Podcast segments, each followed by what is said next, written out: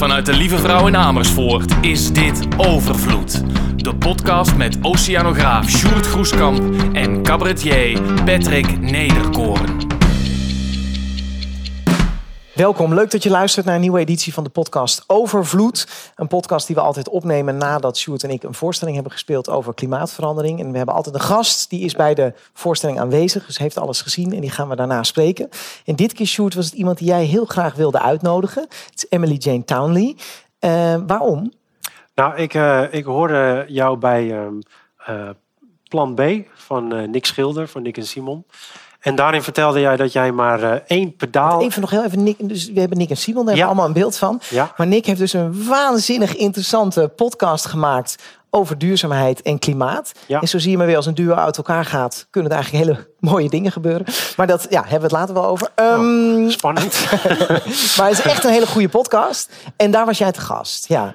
En, Ja. en dat vond jij interessant? Nou, ik viel van de ene verbazing in de andere, omdat daarin verteld werd dat jij uh, met een gezin met drie kinderen uh, uiteindelijk maar één pedaalemmertje per jaar aan afval produceert.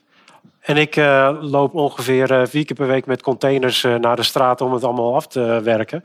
Dus, en elke keer als ik dat doe, moet ik nu aan jou denken. En ik heb gewoon heel veel vragen. Hoe werkt dat? Hoe kan dat? En ja, en is natuurlijk een duidelijke bijdrage en link met klimaatverandering. Uh, daar mag je ook over vertellen straks. Maar uh, ja, daar wil ik dus graag heel veel over horen. En daarom ben ik zo geïnteresseerd uh, om jou hier te hebben. Ja, duidelijk. Maar is dit serieus? Ik bedoel, heb je... Het is very serious. Ja, het is echt gewoon ook gewoon, ja... Bij mij kwam het ook zo binnen dat ik een interview zag van een vrouw van mijn leeftijd. Die had een afvalpot meegenomen met haar prulletjes mee. In die pot één jaar. Dat was in zo'n pot? In zo'n pot. En dat zag ik ook op tv. En ik dacht echt van, hoe is het mogelijk? Ja. En toen dacht ik van, als zij het kan, kan ik het ook. Zo is het gebeurd. Maar dat beeld was voor jou al zo krachtig dat jij dacht, ik ga dat ook. Ja, jarenlang uh, inderdaad, wat je net ook al zei, uh, vegetariër, weinig zuivel. Um, je doet alles op de fiets. Uh, je probeert echt gewoon je best te doen. Ik heb wel drie kinderen gekregen, dus daar ging, ging het valikant mis qua duurzaamheid. Maar ik probeerde echt serieus mijn best te doen. En ik zag die kliko's van mij, vooral met kinderen, alleen maar voller en voller, voller Ja. worden.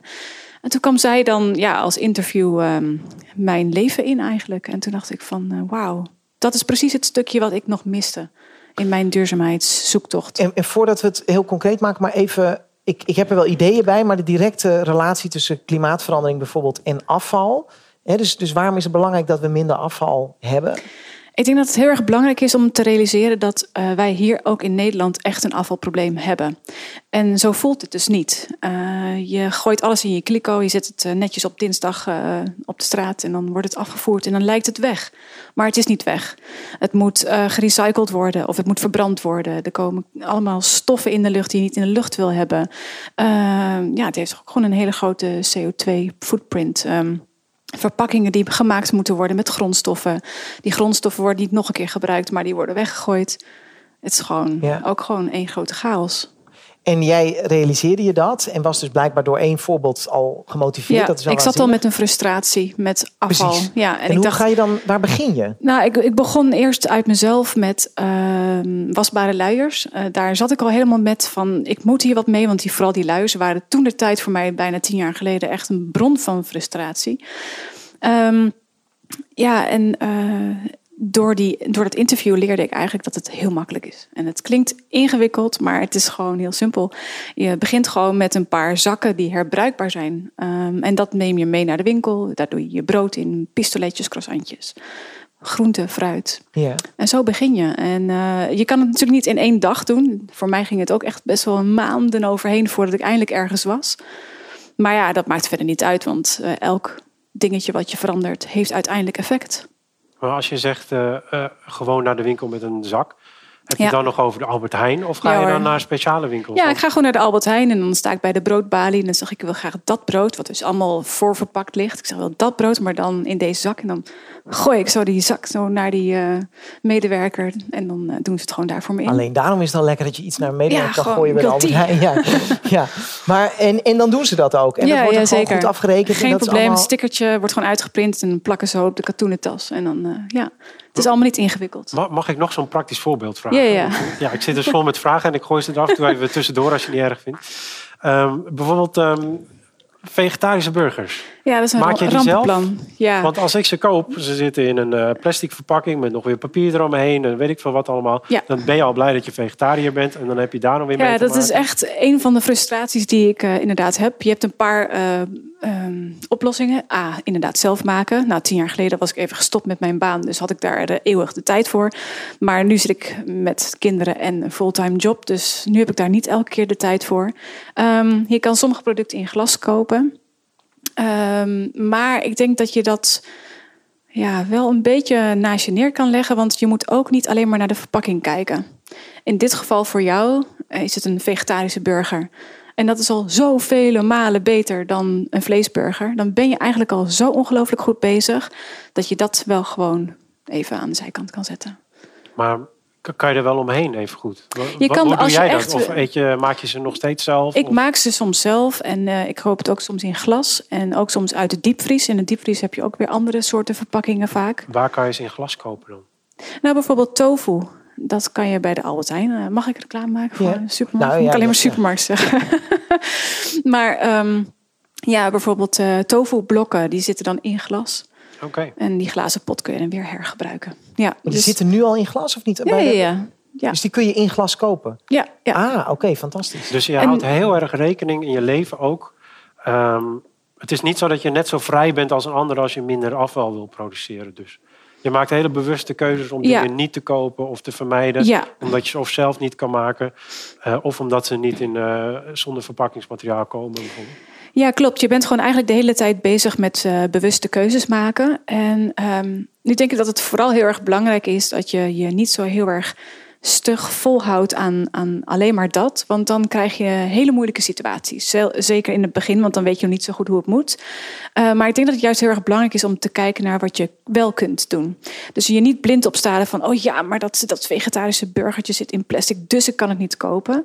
Eh, maar gewoon, nou, zoals net waren we, eh, wilden we koffie halen. En eh, ik loop hier naar de zijkant toe voor koffie. En ik vraag koffie met havermelk. Want havermelk is natuurlijk zoveel beter dan dat je eh, koemelk eh, drinkt in je koffie. Nee, die had, had hij niet, maar we moesten wel naar beneden, want daar hadden ze het wel. Dus dan heb je een keuze.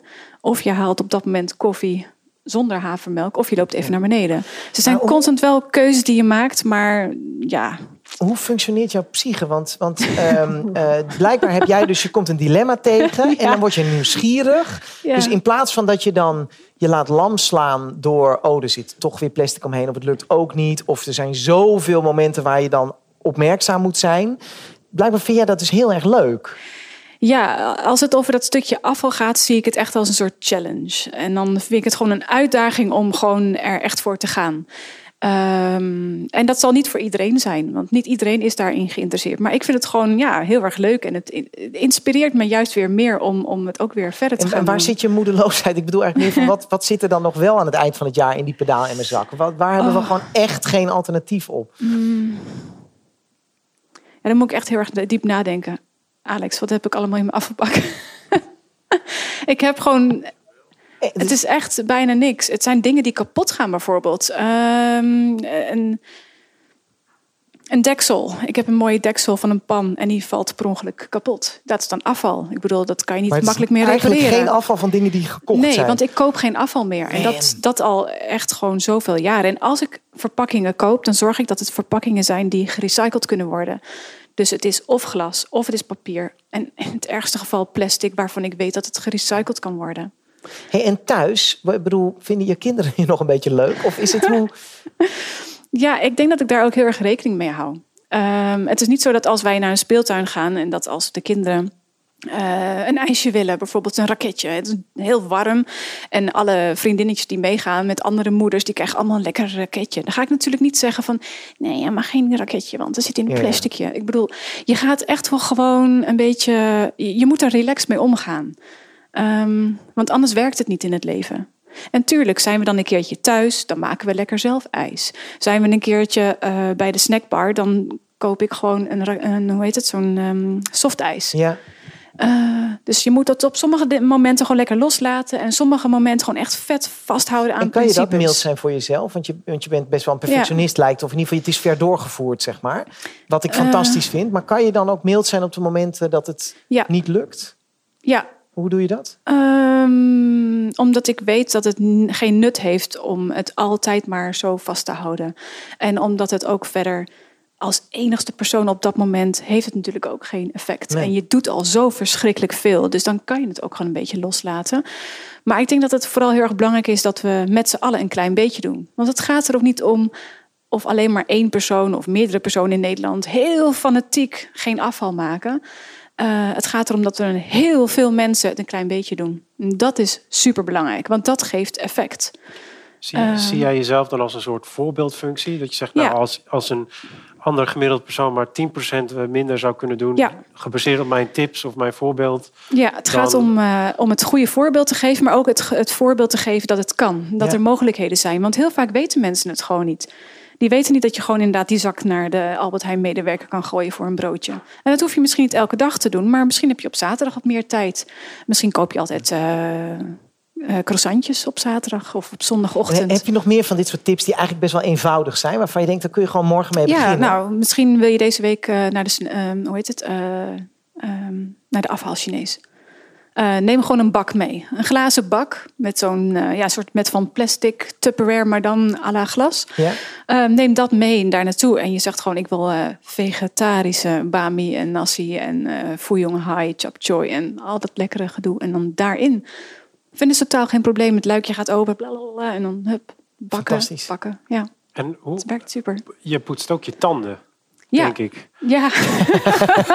met een stokje. Tandenborstels, hoe, hoe zit dat dan? Ja, daar heb ik eh, bamboe tandenborstels voor. Met bamboe eh, steeltje en ook het bamboe eh, haar, haartjes, zeg maar. Maar wat doe je als die dan, of gaan Ja, niet? het is gewoon van bamboe. Dus uiteindelijk, ja, het duurt best lang voordat het inderdaad een keertje vergaat.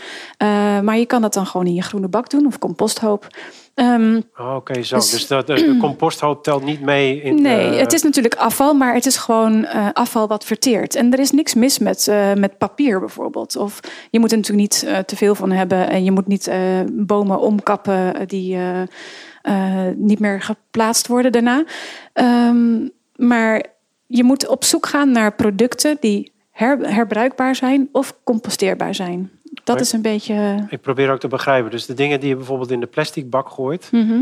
die zitten, dat, dat tel je ook mee als afval, toch? Of, eh, Ja, ja. Want dat hoort bij wat je in het begin zei, recyclen en dat soort dingen. Dus Ja. ook de dingen die je normaal in de plastic bak zou gooien, zitten spreekwoordelijk in het eh pedaalemmerzakje per jaar.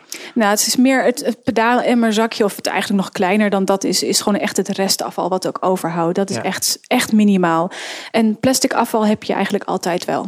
Eh, dan komt eh, je kind thuis met een, eh, een, een plastic snoep tractatie dingetje van een feest of eh, van, een, van school dat ze tractaties hebben gehad. Ehm, soms krijg je van iemand heel lief een bos bloemen en er zit ook plastic omheen. Je ontkomt er niet aan. Ja. Maar ik zal het zelf nooit, eh Maar nooit zo durven mensen jou nog een bos bloemen te geven met Ja, plastic eromheen? Of niet? Vooral na, ik geef ook eh, vaak lezingen. En dan is het echt wel heel grappig dat je gewoon een, eh, een half uur staat te Over dit spreken. En iedereen denkt echt, ja, geweldig, een leuk verhaal en een goede lezing. En dan, dan komen ze zo op en dan echt zo dan kijken ze naar, naar die bosbloemen. Van, nou, eh, ik durf het bijna niet meer aan je te geven, maar we hebben nog wat leuks voor je. En dan zie je de hele zaal lachen. Want een, ja, iedereen snapt op dat moment van, oh ja, inderdaad. Dat, maar dat heeft ze dus voor die voorstelling. Of nou, voor, nee, geen voorstelling. Voor die lezing Ja. ehm, niet over nagedacht. Het is gewoon naar de bloemist gegaan. Ze heeft gewoon gedacht, oh, die bloemen zijn mooi. Hey, nou, nou heb je net naar onze voorstelling gekeken. En die gaat eigenlijk over het totaal aan uitstoot. Hè? En, en jij bent eigenlijk Ja. het individu. Ja. Ehm, ik merk dat ik word elke keer wel somber als wij dit, als wij dit verhaal vertellen. En, en ik denk dan ook, ja, jij bent een beetje tegen de bierkaai aan het, aan het vechten. Mm. Dit, soort, dit soort toekomstvisioenen zoals in deze voorstelling, slaan die jou nog lam? Of wat, wat doen ze? Eh, niet echt. Eh, soms wel. Ik denk vooral eh, wanneer ik koud, moe en miserable ben. als ik zeg maar net voordat ik naar bed ga of zo, kan ik dat nog wel eens hebben. Als je echt moe bent, dan kan je nog wel eens een keer denken van, what's the point? Ehm, maar ik denk doordat ik er zo mee bezig ben, Ehm, en ook veel erover blog. En uh, ik heb ook een, uh, een webshop. Uh, Noem je website ook even. Die... ja, levenzonderafval.com. want ik had dus veel frustraties. Ik kon ook heel veel bepaalde producten die je dus helpen om minder afval te maken. Kon ik, daar kon ik niet aankomen. Ik ging alles zelf maken. En uiteindelijk ging ik dat verkopen. Omdat mensen geïnteresseerd waren. Maar het geeft me juist heel veel kracht nu op dit moment. Omdat ik ook weer zie het tegenovergestelde. Dat er tien jaar geleden niemand praten over afval.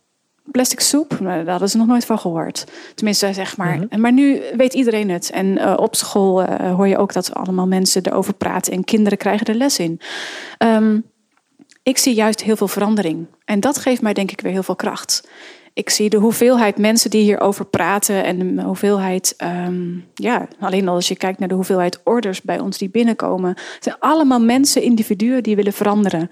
En uh, maar is dat zijn geen ik, tientallen mensen meer. Ik wil je helemaal niet somber maken hoor. Maar wat ik. Um, ik vind bijvoorbeeld wel schokkend dat dan. Uh, een, een, uh, een, hele grote bank in Nederland zegt: we zijn alleen maar met duurzaamheid bezig. Mm -hmm. En dan uiteindelijk blijkt dat hun uh, ondersteuning van de fossiele industrie nog altijd twintig keer groter is dan die van duurzame landbouw. Wat dan de landbouwbank zou moeten zijn. Ja. Dat, dat, dat zijn toch ja, dat, dat, ja, het is heel dat, frustrerend. Daar word je toch moedeloos van? Ja, ik, ik probeer het niet te doen. Ik wil juist positief blijven. En ik heb, net dat jullie dat hebben, ook kinderen. Dus ja, het geeft mij denk ik ook wel weer kracht om juist er niet mee aan, aan mee te doen. Ja, ja. Met het gevoel van, oké, okay, stel dat het inderdaad over 30 jaar echt helemaal fout gaat. Ik wil in ieder geval zelf voor mezelf gerust zijn. Ik deed er niet aan mee. Ja, ja, dus, dus het verhaal wat altijd wat vertellen we later aan onze Ja. kinderen. Daarvan kan je dan zeggen, ik kan in ieder geval vertellen dat ik mijn best gedaan heb. Ja, ik, ik heb echt voor mijn gevoel gewoon, ik doe echt mijn best. Ik doe reten mijn best en eh, dat wil ik houden ook zo. En dan ga ik niet zomaar opeens morgen daarmee stoppen. Ja, Eh, ik wil er juist mee, ik, ik word er juist fanatieker van. ja. En ehm, ik denk dat het ook belangrijk is om dat vol te houden. Omdat anders, ja, inderdaad, what's the point?